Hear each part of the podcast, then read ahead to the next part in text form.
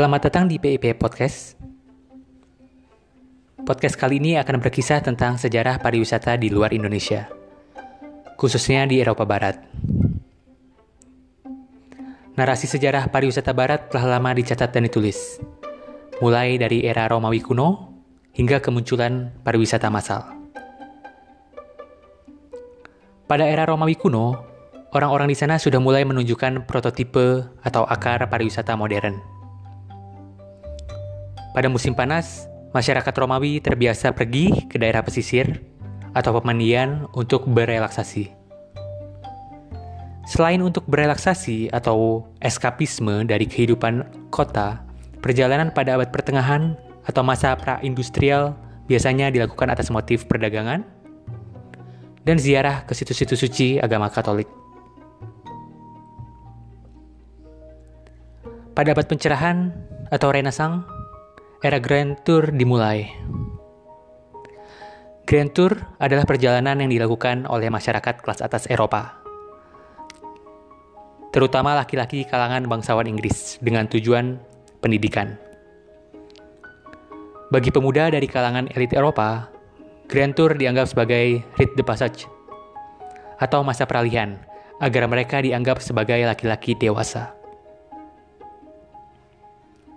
Biasanya Grand Tour dilakukan ke daerah-daerah yang kaya peninggalan budaya dan sejarah, seperti di kota-kota Italia dan Prancis. Di sinilah akar pariwisata yang menautkan relaksasi atau bersenang-senang dengan kegiatan pendidikan dan mencari pengalaman.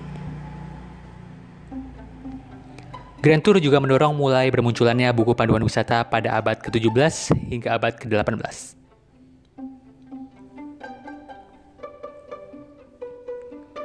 Kemudian, abad ke-18 hingga ke-19 ditandai oleh revolusi industri, yang membuat perjalanan bisa dilakukan lebih mudah, lebih efisien, lebih efektif, akibat perkembangan teknologi transportasi kereta.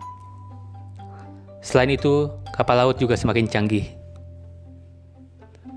Pada tahun 1841, Thomas Cook mengorganisir paket tur wisata pertama di Inggris.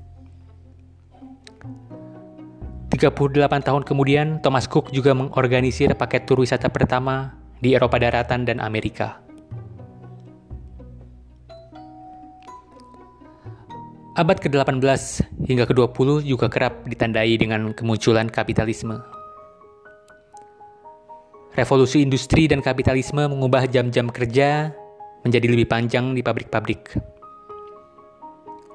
Lambat laun hal itu diprotes oleh kelas pekerja di Eropa mereka menuntut bukan hanya bayaran yang lebih besar, tapi juga waktu kerja yang lebih pendek. Perjuangan kelas pekerja membuahkan hasil.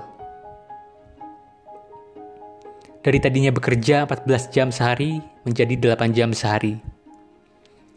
Tuntutan mereka waktu itu adalah 8 jam bekerja, 8 jam rekreasi, 8 jam istirahat.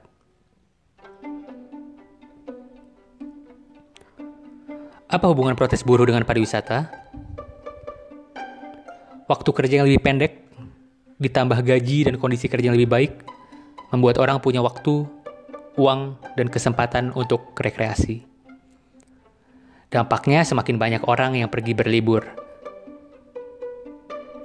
Di Inggris dan Amerika, hal itu ditandai dengan munculnya resor-resor di pinggir pantai untuk liburan. Hal itu juga didorong semakin canggihnya transportasi kereta yang memungkinkan orang berpergian dari kota ke pantai. Saat itu wisata pantai sangat populer, dan mungkin itulah kenapa hingga saat ini kita kerap menyebut pariwisata sebagai aktivitas sand, sun, and sea, pasir, matahari, dan lautan. Memasuki abad ke-20, teknologi transportasi dan informasi semakin canggih. Pada 1903, Wright bersaudara menemukan pesawat dan 16 tahun kemudian, 1919, penerbangan komersial pertama dilakukan dari London ke Paris. Pasca Perang Dunia Kedua, giliran mobil yang mendominasi. Proses produksi massal ala Ford membuat harga mobil kian terjangkau, sehingga orang-orang mulai terinspirasi berpergian dengan kendaraan pribadi. Selain itu, paruh kedua abad ke-20 juga ditandai sebagai kemunculan pariwisata massal. Bukan hanya mobil yang diproduksi secara massal. Aktivitas pariwisata juga diciptakan secara massal. Maksudnya, paket-paket wisata yang seragam dengan itinerari yang baku diciptakan. Harganya lebih murah dan diatur oleh industri jasa pariwisata. Pariwisata meledak jumlah wisatawan terus merangkak dari tahun ke tahun. Imbasnya, seperti mobil yang tadinya hanya dimiliki kalangan tertentu, lalu dipunyai semakin banyak orang, pariwisata juga bernasib sama. Tadinya, pariwisata hanya dilakukan kalangan elit dengan darah biru atau uang tanpa seri.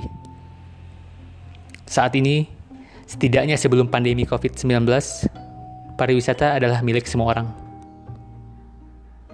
Para ahli menyebutnya sebagai demokratisasi pariwisata. Kini semua orang bisa berwisata.